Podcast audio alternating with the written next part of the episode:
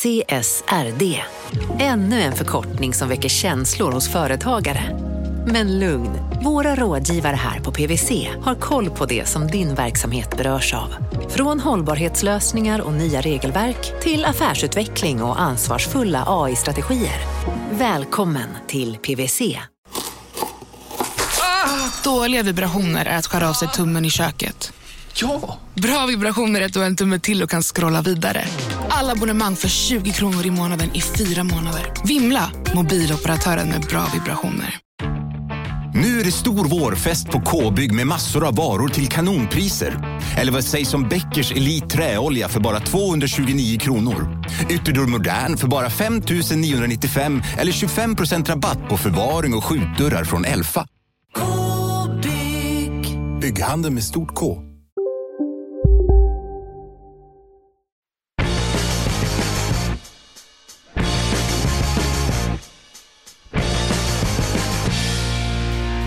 Svallvågor efter Luna-kraschen. Det svenska bolaget som ska göra krypto till vardagsmat och nya blockkedjan att undvika. Glad Kristi himmelfärd för er som firar och till er som lyssnar naturligtvis. I Gammelsverige så pratar man om att det här är då barärmsdagen, gökottedagen eh, eller metardagen. Men för oss lite yngre är det såklart, de kallar oss kryptodagen och där säger jag i, i någon slags Leif GW Persson-pose med mina eh, läsglasögon. Mm. Gunnar sitter och skrattar åt mig för jag har dem så konstigt på mig. Eh, men strunt i det, ni är varmt välkomna hit. Det kommer bli toppenavsnitt. Jag som leder er i firandet heter som vanligt Mårten Andersson och vid min sida Gunnar Harrius. Hej. Hur mår vi? Eh, jo, jag mår bra. Eh, jag eh, firar varken barärmsdagen eller gökottedagen, men du kör barärmsdag idag. Men, men det har jag gjort i en månad ungefär. Ja. Jag kom hit med shorts i, i mars och folk tittade på mig som om att jag kom, kom direkt från psyksjukhuset. Ja, det, det ser ju för jävla kul ut när någon kliver ut. Liksom, det ligger lite frost på löven fortfarande. Det kommer Mårten Ja. Andersson stövlande över Södermalm i shorts. Jag har precis spelat boll. Exakt. Iskalla klot. Nej då, nej men jag kör bararmsdag. Eh, eh, Jag vet inte riktigt vad gökottedagen, det låter som något som innehåller alkohol. Nej, det man går upp skittidigt för att lyssna på göken. Det är någon slags fågelskådardag tydligen. Okej, och den okej. sammanfaller tydligen med Kristi himmelfärd. Ja. Eh, jag, jag googlade lite innan på vad Kristi himmelfärd är. Annars hade det varit imponerande. Ja, nej, sorry. Du har ju jag liksom följt dig eh, genomgå någon slags, liksom, em, du är på någon slags mediaturné. Ja. Alltså jag har tagit eh, Twitter-paus, Telegram-paus, WhatsApp-paus eh, och egentligen paus från allt som heter krypto. Ja, men... du, är, du är inte paus från Schibsted till Bonnier. Nej, jag eh, funderade på, ska jag prata om det här eller inte? Och eh, jag tänkte väl att möjligen så kanske det här kan hjälpa någon att jag faktiskt är transparent med hur mycket pengar jag förlorade och egentligen på vilket sätt och hur det kunde hända. Eh, och att det är en läxa som jag har lärt mig såklart, men, men möjligen att kanske även några andra. Så jag valde att tacka ja, så det har varit väldigt mycket Aftonbladet, Svenska Dagbladet, Dagens Industri, TV4, ja. Kapitalet jadi, jadi, också. jadi. Kapitalet också ja. Mm. Eh, men är det någon slags terapi för dig också att liksom be, beta igenom det här gång på gång? Nej, därför att jag är ganska, kan vara ganska krass sådär när något sånt här händer. Och det, jag kan inte göra, göra något. Jag, eh, kunde jag gjort något annorlunda? Ja, det kunde jag. Men det, men det är för sent nu, så jag är inte någon som går och ältar något. Terapimetaforen dock är lite, eh, kan ju komma från ett annat håll. Därför det känns lite som att varje gång jag sitter och pratar om det här så påminner de ju mig om skiten. Eh, och nu känner jag att nu är jag klar. Nu är, eh, terapin är över, nu blickar vi framåt. Eh, det är bara jobba ännu hårdare, försöka vara ännu smartare och lyssna mera på min kloka fästmö så hade inte det här hänt. Just det. Jag har inte vidarebefordrat allt det här till dig, men jag kan ju tacka å dina vägnar till alla som skriv, ändå skrivit väldigt så uppmuntrande och snälla saker till eh, vår Twitterkonto och Instagramkonto och sådär. Det var väldigt gulligt faktiskt. Ja, jag, jag vill också tacka er för det är väldigt många som har skrivit till mig. Det är några i, såklart ganska osköna människor som Ja, också har men skrivit. men hacka de, de har varit väldigt, väldigt få. Ja. Eh, och jag, det har varit så många som har skrivit, fan kämpa på tack för en grym podd. Och det är, ni ska veta att det har verkligen eh, gjort mig glad Mm. eh, att känna den kärleken. Så tack för det. Med det sagt, Ja, jag har en liten eh, spaning, är ett starkt jävla ord här. Men, spanarna i P1 flyttar in i DKOK. Vad har du spanat fram? Ja, det, har jag. Jag, jag klev in i min inre Per Naroskin. Aha. Eh, och, eh, Det var överkurs för mig. Det är en av spanarna i Spanien. Jaha, okej, ja, det var länge sedan jag lyssnade på. den är lite tråkigare av dem om jag får, om jag får, om jag får komma med hård kritik här. Ja. Han är förut psykolog, på tal om din terapi. Eh, nej men det här är liksom inget gräv jag har gjort, men det är typ en sammanställning av tio artiklar som jag har läst. Uh, för vi har fått en del frågor till uh, vårt Twitterkonto, uh, DKO Krypto heter vi där kan jag säga, Ja. om en ny cool blockkedja som heter Pulse. P-U-L-S-E. Eh, och den ska då lanseras snart. Den skulle lanseras i maj eh, och eh, nu har de skjutit på det till juni, tror jag är det senaste som har sagts. Det är då en blockkedja som liksom ska kopiera hela ethereum ethereum-blockkedjan. Alltså det är en hard fork, för att använda sånt eh, liksom det lingot. Så att liksom alla som har ethereum-tokens eller ERC20-tokens kommer då få kopior av det här på den nya kedjan, liksom helt gratis utan att göra någonting. Så plötsligt det du hade på en kedja har du nu också på den här nya Pulse-blockkedjan. Okej. Man kallar det för the biggest airdrop in history. Och Tanken är då att det ska vara exakt som ethereum fast det ska då vara liksom en delegated proof of stake-lösning istället för proof of work så att man ska kunna ha fler transaktioner, ingen nedsida, bla bla, allt det där. Allt låter, Mindre gas fees och så ja, vidare. allt låter kanon. Men jag vill bara höja ett litet varningens finger här eh, för att det är en man som heter Richard Hart som ligger bakom det här. Känd från tidigare avsnitt av den här podden. Erik Wall pratade om honom va? Ja, eh, han Bland är, andra. Bland andra. Han är det mannen bakom Hex eh, som är ett eh, jävligt omtvistat och eh, säga, kontroversiellt kryptoprojekt som många menar bara är rakt av en scam. Han osar ju scammer. Alltså, alltså av alla tveksamma personer inom krypto som man inte litar på så kanske, man, kanske liksom Richard Hart är den man litar allra minst på. Ändå. Men jag fattar det här i grunden då är ethereum, för att om det ska vara en fork så måste det bygga på ethereum. Så Ja, är han exakt. på något sätt inne och, och pillar i det då och ska göra någon egen blockkedja utifrån det? Han ska göra en egen blockkedja, liksom kopierat all kod bara från Ethereum, för det är alltid öppet. Liksom. Och sen Ja. så byter han namn då på, på det till, till Men Pulse. egentligen är det inte en fork, egentligen är det en kopia. Ja, jag tror att det är officiellt, jag kan inte riktigt den här, men jag tror att Men jag tänker officiellt för, så är för det... Luna till exempel så blir ju Lu- Luna, eh, det gamla Luna blir ju Luna Classic och sen så ska det då göras ett nytt försök, vad nu än det blir, eh, med en fork. Mhm. Eh, Men det är en existerande kedja. Så, Precis, men det här är en hard fork på sättet att alla transaktioner som gjorts på ethereum kommer ligga på den här nya blockkedjan också, men inga... och han får göra så liksom. Ja, det får vem som helst göra tror jag. Att bara kopiera alltihopa och sen så, så tar man över deras pengar. eh, Ja, fast man tar, ju inte sitt. över, man tar inte över några pengar då, men man kan då få folk att flytta pengar till den här nya blockkedjan om man vill. Man, Just det, men man tar deras mo- monetära system inom det ekosystemet och bara Ja. gör som... Ja men exakt. Och man kan då flytt, offra tokens till Pulse som det heter. Som pratar om en sacrifice period. gud. Ja men typ. Eh, som jag förstår det då så kan man liksom skicka sina tokens någonstans i utbyte då mot ett löfte om, om att när Pulse väl lanseras så kommer det bli liksom en ny Pulse-coin av det här. Mhm. Och ju tidigare man gör det desto högre så multiplier får man. Alltså man får liksom en högre I mitt nya mindset så hör jag varningsklockor Ja, men alltså, det, bara liksom skriker ju och det är också så att man inte vet vad som faktiskt händer med de här coinsen som har offrats. Alltså, I teorin så skulle det kunna vara så att det bara går rätt in på Richard Harts konto och han kan dra det och, och sticka. I de här olika artiklarna som jag läst så har liksom folk försökt ta reda på vad som händer, vad ska liksom ge likviditet i den här nya blockkedjan, är det de här sacrificesen? Det är liksom ingen som har lyckats få någon som he- helst i insyn eller klarhet i det här. Och det är typ en miljard dollar som har getts dit redan. Oj, Ja, alltså det är sick. Och, eh, men vadå, hur kan folk ha sånt förtroende för... men folk för älskar ju häx. Folk älskar ju häx. Okej. Eh, alltså, Men är det bevisat, för jag vet att många har pratat om det där med att det är en scam och hit och dit, men om det inte, är det bevisat att det är det, eller varför, varför, om det nu inte är det, varför? som jag förstår har väl, har väl Richard Hart inte tagit pengarna och dragit än. Men det finns väldigt mycket som liksom i häxsystemet, som jag liksom förstår det, som, som liksom skriker, vem som helst skulle kunna bara ta allt och dra när Ja. som helst. Liksom. Och man måste ju låsa upp pengarna skitlänge och ju tidigare man gör det desto mer får man. Och liksom, det finns ingen likviditet på blockkedjan men det finns jättemycket liksom, market cap och ja, men det är bara shady som fan. Erik, Summa summarum Gunnar, varningens finger för Puls. Läs kanske mer än tio artiklar som jag har gjort, men, men eh, om ni inte har läst tio artiklar så ge fan i det. Ja, Mm. cool, bra. Jag tycker det var en snygg spaning, speciellt utifrån eh, en lyssnarservice också. Att Mm. det faktiskt gör så. Hör av er till oss på De kallar oss krypto. Det finns lite olika sätt man kan göra det då. Det kanske allra snabbaste är Twitter, där vi alltså heter DKO krypto. Ja. Eh, vi heter De kallar oss krypto på Instagram och vi heter lika så även på Facebook. Där har man minst chans att få svar kan jag säga.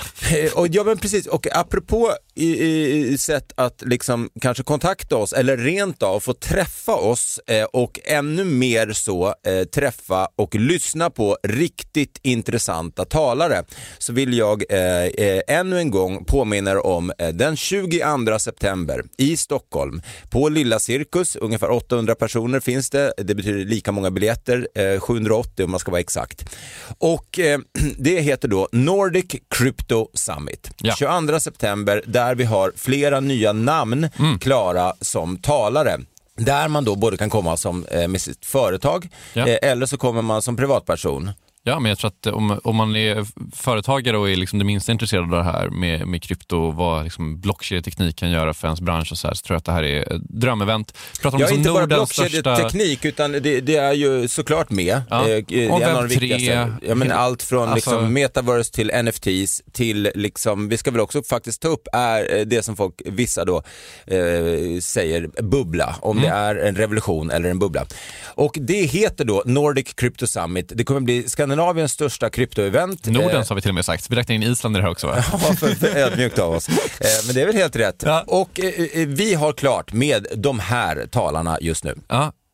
Ska jag säga dem? Eller, ja, jag, tänker att, eller tänker att jag har ett klipp redan, för det har jag inte. Nej, nej, det har jag, men jag tycker att du säger dem.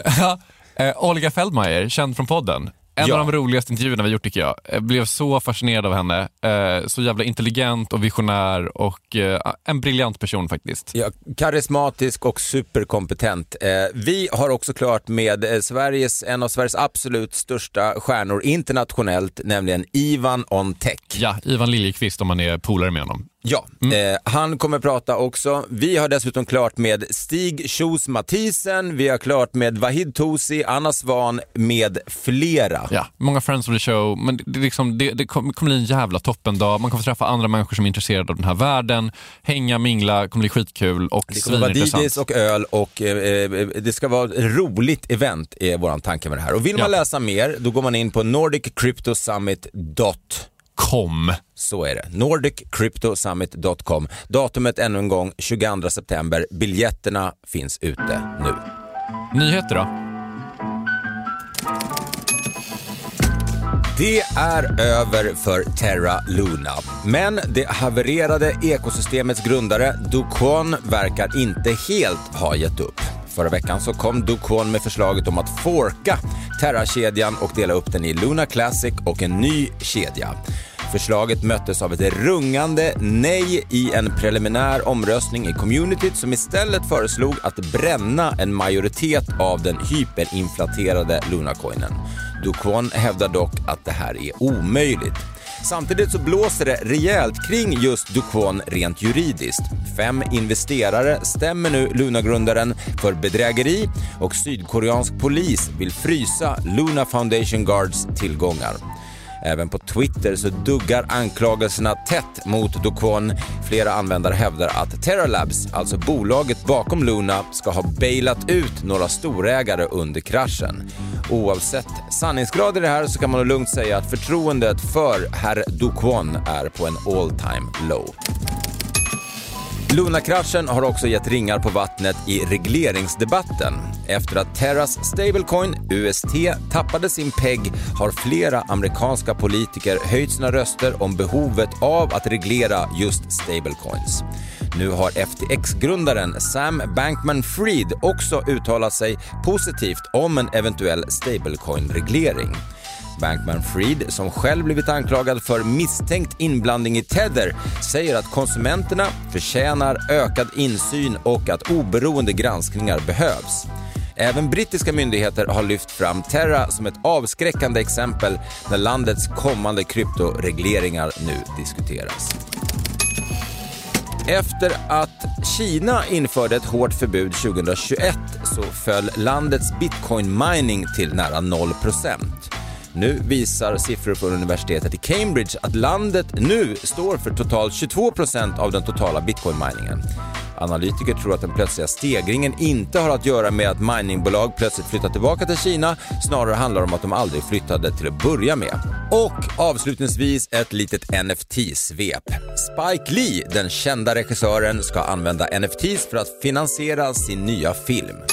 Konstnären Beeples Twitterkonto blev hackat och användes för phishing.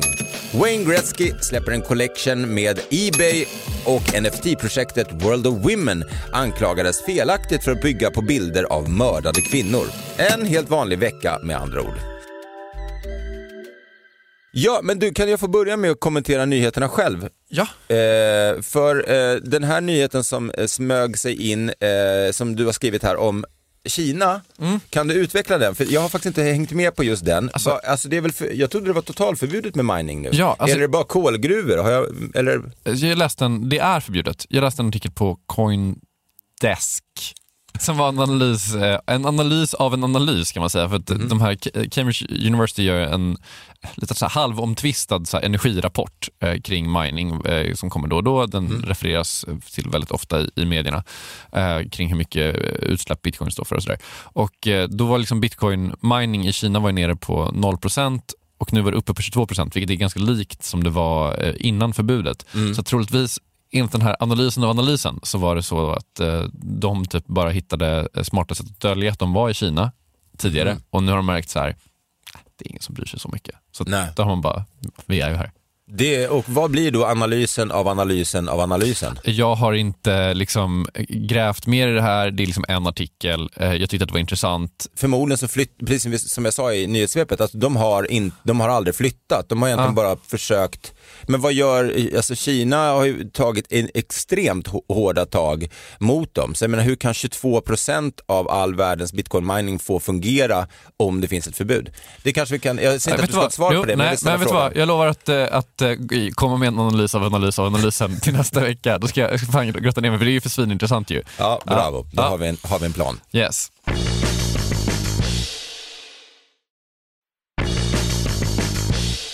Men Mårten, eh, vi har ju en underbar gäst den här veckan som eh, det kanske är läge att ta in. Ja!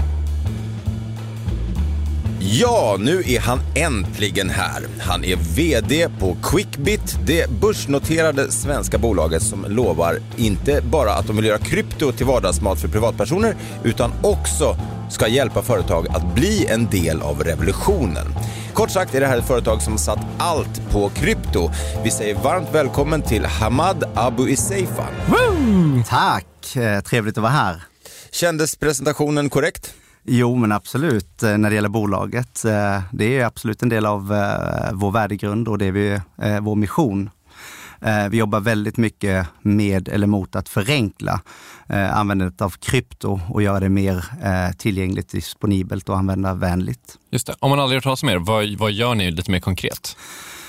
Så Quickbit är ett produkt-fintechbolag som jobbar med eh, eh, betallösningar primärt för eh, konsumenter att kunna betala med krypto och för företag att kunna ta emot betalningar i krypto. Bolaget grundades 2016 med i princip en B2B-plattform där man möjliggjorde då betalningar från eh, fiat till krypto.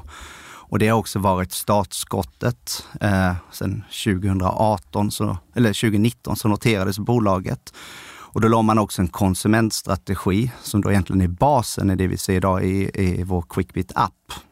Men jag skulle vilja eh, ta ett steg tillbaka innan vi fortsätter prata om Quickbit eh, och det är om dig. Eh, hur, hur, vem du är och vad som eh, gjorde att det är just du som sitter på vd-posten. Eh, även om det inte var du som gav dig själv jobbet så kan du säkert svara på frågan. Ja, nej, men eh, uppväxt då i, i Blekinge, Karlskrona. Ganska tidigt i min karriär så flyttade jag utomlands och eh, jobbade flera år i, eh, runt om i världen och och eh, var ganska eh, intresserad av olika digitala paymentlösningar. Eh, men egentligen jobbade jag inte direkt med det, även fall under den tiden så jobbade man med olika affärssystem och, så vidare som ändå gränsar på något sätt till det vi ser idag, digitala plånböcker. Ehm, när jag kom tillbaka till Sverige så började jag investera och hamnade då i styrelsen, blev invald i styrelsen för Quickbit och sedermera vald till VD. Men bara konkret, du jobbade på Ericsson i, i, i många år, var i Seattle, du var i Sudan sa du också innan du tryckte på räck här, vilket eh, förvirrade mig oerhört. Men det var semester eller? Ja. Ja, nej, ja, det är. Khartoum och sen Juba, bara liksom du vet den vanliga. Två och ett halvt år var det så långt? Ja, två och ett halvt år. Jag var tror jag, totalt sju år i Afrika. Eh, och jag minns, eh, framförallt när jag bodde i, i Zambia, när man eh, på helgen åkte ner till Livingston, till Victoriafallen. Och så brukade jag gå på den här bron över till eh, Zimbabwe, som hade en oerhört tung inflation. Och vid något tillfälle så var det någon kille där på bron som erbjöd mig eh, att köpa eh, en miljard zimbabwiska dollar motsvarande, äh, för en amerikansk dollar. Mm. Och sen någon månad senare så var det 100 miljarder zimbabwiska dollar äh, ja. med en enorm inflation. Man hade kunnat blivit miljardär men ändå inte. Ja. you look like a million dollars får lite ny liksom, innebörd ja. i Zimbabwe. You look like 100 million uh, Zimbabwe dollars. ja. Okej. Okay. Ja, men okej, okay, och därifrån, hur okay, du, du investerar, du liksom hamnar i quick, du, när upptäcker du krypto då? Vad är, liksom, vad är din kryptostory? Ja, men eh, första gången jag kom i kontakt med krypto, det var 2014 eh, när jag bodde i USA. Spelade fotboll med eh, ett gäng killar från eh, Microsoft och då var det någon kille som eh, hade investerat i bitcoin och tyckte att alla skulle investera i bitcoin. Det var första gången jag eh, kom i kontakt med, eh, med krypto. Jag investerade inte i bitcoin, vilket de alla andra tror jag gjorde. Och så såg jag den här eh, värdeökningen från 200-300 dollar upp till 1000 dollar. Och så tänkte jag, eh, nu är det för sent, nu är det för sent. Och sen ja, eh, rasade bitcoinen och eh, jag tror jag gick in några år senare och började liksom handla. Men, men på den tiden var det rätt svårt att köpa och handla krypto. Eh, det är inte lika lätt som det är idag. Nej, och det har vi hört i flera avsnitt, eh, liknande stories. Eh, Erik Wall kan man ju söka på eller kanske Christian Ander vet jag båda två berör just det där att köpa bitcoin tidigt och hitta det. Mm. Men okej, okay, hur mår då Quickbit idag måste man ju ställa eh, utifrån eh, det som har hänt på kryptomarknaden den senaste eh, veckorna. Eh, det är ju, eh, jag tror till och med, jag var med i TV4 igår i det här Efter fem och pratade dels om min personliga ekonomiska krasch, är väl kanske att ta i, men, men käftsmäll får väl ändå säga att det var.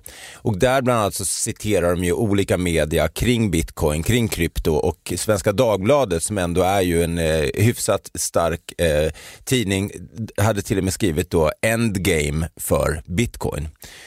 Hur mår Quickbit och hur går snacket i styrelserummet?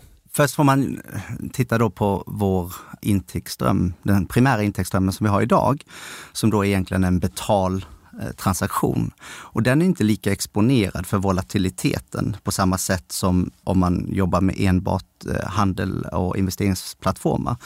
Sen är det naturligtvis så att alla bolag som tillhandahåller tjänster mot konsumenter har ett ansvar att eh, alltid hålla med information och försöka avgränsa riskerna i den utsträckning det går. Mm. Men känner ni att det är liksom något fundamentalt som har förändrats? Alltså, vi kanske inte ska älta Luna-kraschen liksom hela det här avsnittet också, men, men det är ändå typ en, man ändå beskrivits som liksom en av de största händelserna i krypto någonsin. Det är liksom världens sjätte största kryptovaluta som gått under. Har någonting fundamentalt förändrats för er i hur ni tänker på de här tillgångarna? Hur ni tänker på vad ni erbjuder för tillgångar och, och liksom hela den biten? Egentligen så har det inte ändrat hur vi tänker, för vi har alltid varit eh, tidiga med att assessa riskerna. Eh, så när vi tar fram en valuta, då tittar vi också på vad är riskerna för konsumenten och vad är riskerna för bolaget. Och sen får man ju ta bort de där extrema eh, riskerna, alltså icke-likvida eh, valutor, funktioner eller mm, applikationer eller produkter som, som sätter konsumenten i risk. Det är alltid kul att investera i uppgång. Det, det tror jag alla människor tycker. Och det är svårt att hantera motgångar och nedgångar. Och då, mm, för oss som bolag så handlar det väldigt mycket om att, att vara informativa och eh, att, att jobba med riskhantering, både för konsumenten och bolaget som sådant. Mm. Ni erbjöd inte Luna, kanske vi ska säga? Eh, nej. nej. Eh, var det ett medvetet val eller var det liksom så här, fanns det planer på att börja göra det? Eller hur låg det till där? Eh, nej, Luna var nog aldrig riktigt eh, på tapeten. Och sen så tycker jag att det är olyckligt, eh, det som har hänt, på alla sätt och vis. Men bara för så att alla är med och förstår här, lyssnare och vi själva. Eh, du säger att om man, är direkt exponerad mot, säger vi då, eh, bitcoin eller ethereum eller liknande så, så tar man en hårdare smäll eller man gör det via Quickbit därför att det är en annan modell. Kan du förklara lite mer vad det betyder? Ja, alltså vi, vi dämpar ju inte fallet eh, för bitcoin. Det är inte riktigt det jag menar. Så att eh, håller du en bitcoin med oss så har du samma risk i, i värdeminskning som du håller med någon annan. Mm. Eh, det är mer vilken typ av krypto som vi, eh, som vi erbjuder och vilka tjänster kring krypto eh, som framtidsmässigt vi erbjuder. Vi, går, eh, vi har gått ut i marknaden och sagt att vi kommer lansera en earn wallet, en form av staking och det kan man ju ta till sin spets om man vill. Man kan, man kan använda sig av eh, hög risk staking. Eller så kan man begränsa och avgränsa den risken mot konsumenten och titta på en, en bra risk-reward-profil. Och det är utifrån den aspekten som vi jobbar eh, och jobbar aktivt. Och, och, det ni gör då är ju egentligen, eh, sista referensen till Luna, jag lovar. Eh, är ju... jag, lovar inte. Men... Okej, okay, ja, men i alla fall för min del, på ett tag, jag är så trött här nu. Eh, men det är ju att ni ger er in i det som Luna ändå, det var mycket som var bra vill jag ändå säga tycker jag innan det gick åt pipsvängen. Men DeFi, Decentralized Finance, där man då utmanar storbankerna som man egentligen då har lånat ut sina pengar till i alla år och inte fått eh, någon som helst ränta i stort sett. Där då DeFi kommer som som någon skänk från ovan i alla fall eh, rent teoretiskt och erbjuder helt andra räntor. Och det, det är det ni vill göra menar du då på, på Quickbit med ett, ett, nytt förslag? Eller? Ja, det är, kort och gott så är det det vi eh, går till marknaden med och kommer lansera här inom, inom kort. Vad eh, pratar man för räntor då? Nej, men alltså, det är upp till 10 procent på bitcoin är det vi kommer erbjuda. Eh, och sen är ju den, den, den avkastningen är ju rörlig utifrån eh, de partners vi har. Så att säga. Så att eh, mellan ja, upp till 10 procent är den primära räntan, för, eller avkastningen ska jag säga, eh, för, för bitcoin. Och bitcoin är den första valutan vi initierar det här med.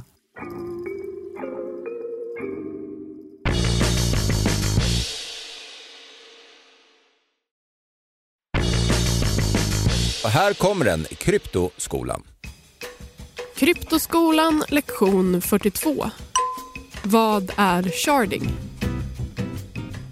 I Kryptoskolan lektion 40 pratade vi om rollups som är ett sätt att utöka kapaciteten på blockkedjan för att kunna genomföra fler transaktioner snabbare. Ett annat sätt att göra det här, som faktiskt just nu testas av ethereum är genom något som kallas sharding. En blockkedja är ju lite som en databas och ju fler transaktioner som görs desto mer information finns i den här databasen. På en blockkedja, till exempel ethereum, är det massa olika noder, alltså datorer som hela tiden lagrar en kopia av all information på blockkedjan varje gång det händer någonting. Det är det här som gör den decentraliserad. Det här systemet är väldigt säkert men när alla liksom hela tiden måste lagra all information blir det också ganska långsamt. Sharding innebär då att man istället delar upp blockkedjan i flera delar, eller skärvor. Istället för att varje nod, alltså dator, hela tiden har all information om blockkedjan så har den bara ansvar för att lagra en viss del av den här databasen. Vilket gör att blockkedjan funkar snabbare. Det finns lite risker med att dela upp blockkedjan på det här sättet. Bland annat kan den bli lättare att hacka. Men när till exempel ethereum har testat sharding så har man försökt lösa det här problemet genom att hela tiden växla vilken skärva av information som varje nod har hand om.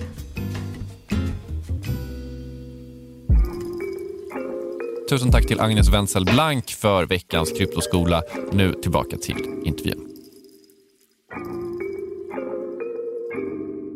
En sak som du nämnde då med Quickbit också är ju eh, att ni förbereder både kunder och företag för att börja kunna använda då krypto som betalningar. Eh, och för att göra en liten parallell bara snabbt till mig själv så sitter jag och funderar eh, tidigare liksom på om Raw då, min, mitt, min standupklubb som finns runt om i Sverige, om vi skulle börja göra det. Men det man, det jag, den frågan jag ställer mig nu och det som kanske många andra gör också är ju varför man Eh, det, om inte fiat, vanliga valutor känns mycket säkrare. Varför skulle man, vad är liksom USPen i det här, eh, varför det skulle vara bättre än att använda sig av traditionella valutor? Liksom, varför ska man köpa och eh, ta betalt i krypto? Nej, men, eh, först och främst så ska man säga att vi tror inte att krypto kommer att ersätta fiat, utan det är ett komplement och ett bra komplement och inom vissa industrier eh, och vissa segment, eh, då både kassaflöde och avgifter är en, en, utmanande faktor, så är krypto fenomenalt och löser väldigt många problem. Sen, Om man jämför, tänker du med Visa och Mastercard och American Visa, Express och liknande? Ja, men tittar vi på till exempel flygindustrin så har du ett sånt segment där flygbolagen har en utmanande situation när det gäller kassaflöde och eh, avgifter. Eh, och framförallt vissa segment med mycket chargebacks. Eh, och, och där vad, vad är chargebacks för något? Eh, ja, men i, i grund och botten att man betalar tillbaka till konsumenten för att man antingen då har en tvist eller att de har på något sätt ångrat sig. Mm. Och, och flygindustrin är väl på så vis ganska exponerad. De får ju sällan betalt förrän flyget har gått och gärna några dagar efter. Där kreditkortsbolagen eh, eh håller på pengarna och liknande. Där, där finns det, där är ett segment där krypton är ett fenomenalt komplement. Eh, och även andra transaktionella områden där eh, eh överföringen av mm, pengar helt enkelt behöver gå snabbare och där det finns mindre mellanhänder. Där fyller krypton ett, ett syfte. Eh, och tittar man då på möjligheten att få eh, både konsument och e-handlare på samma ledger, när du får den här instanta transaktionen, då skapar det ett mervärde. Men äts det inte upp då utav volatiliteten?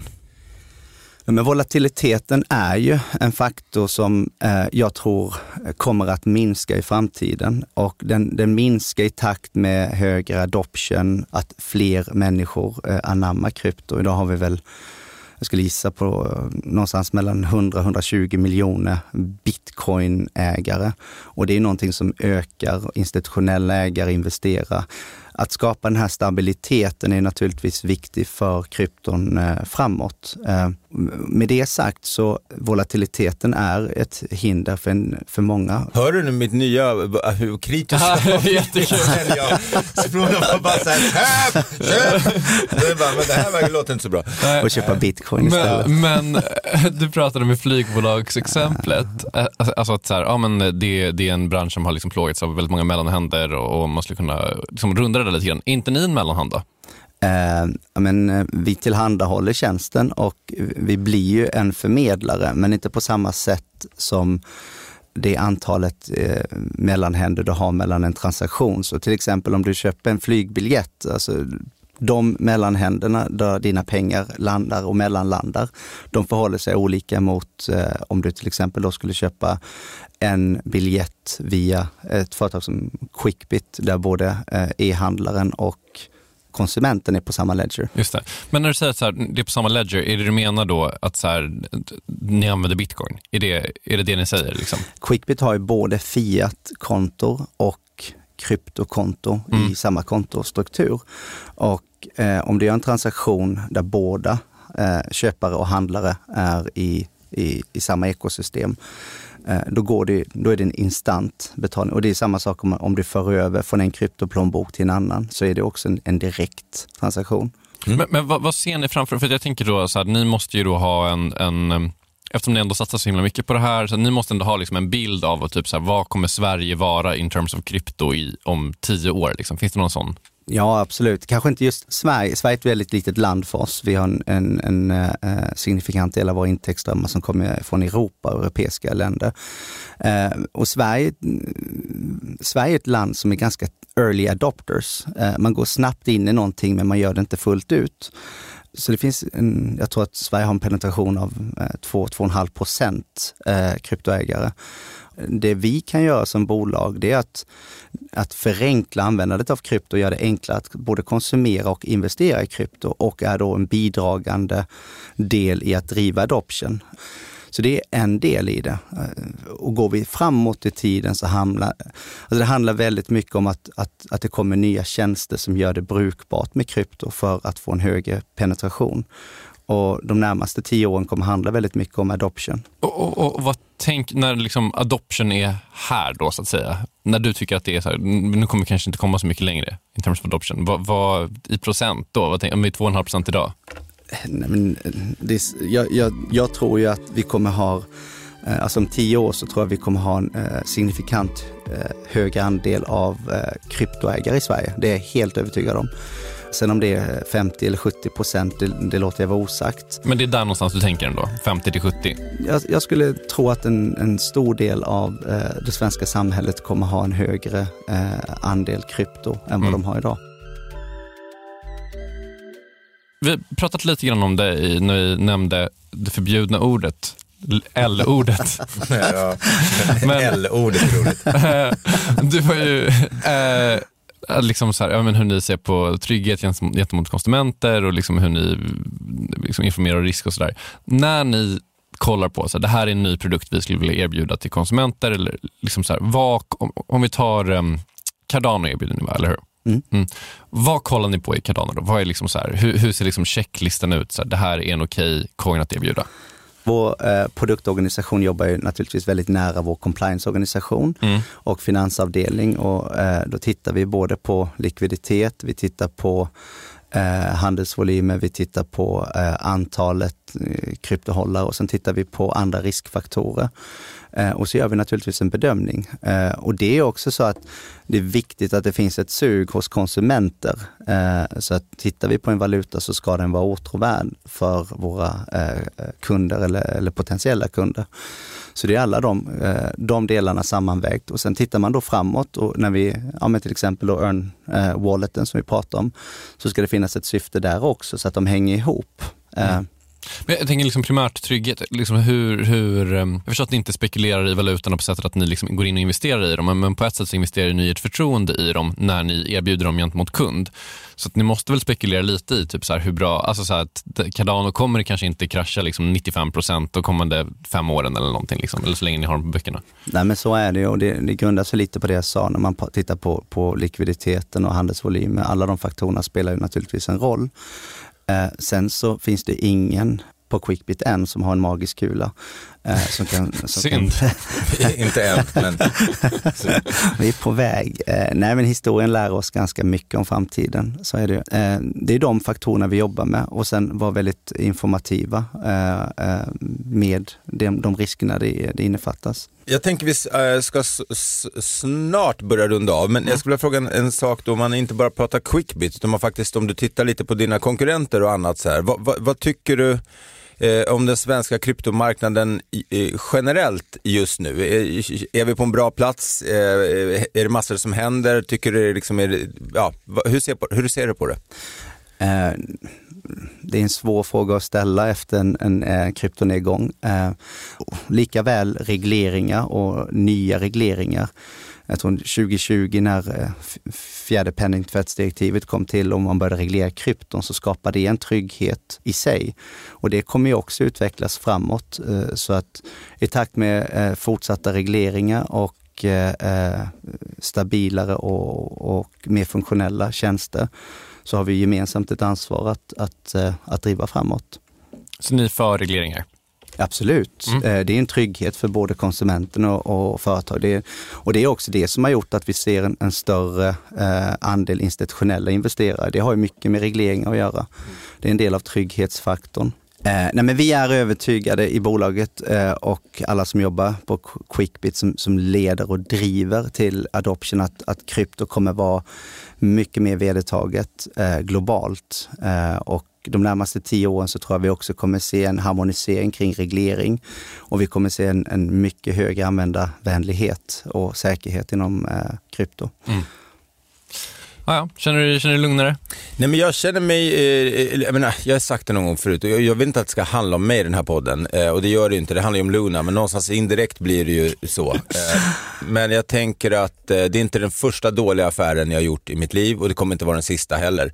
Det var tråkigt att det blev så på det som var någon slags hjärteprojekt för mig men, eh, men jag har inte förlorat tron på, på webb 3, eh, metaverse, NFTs eh, och alla möjligheter som finns inom krypto och, få, och DeFi kanske.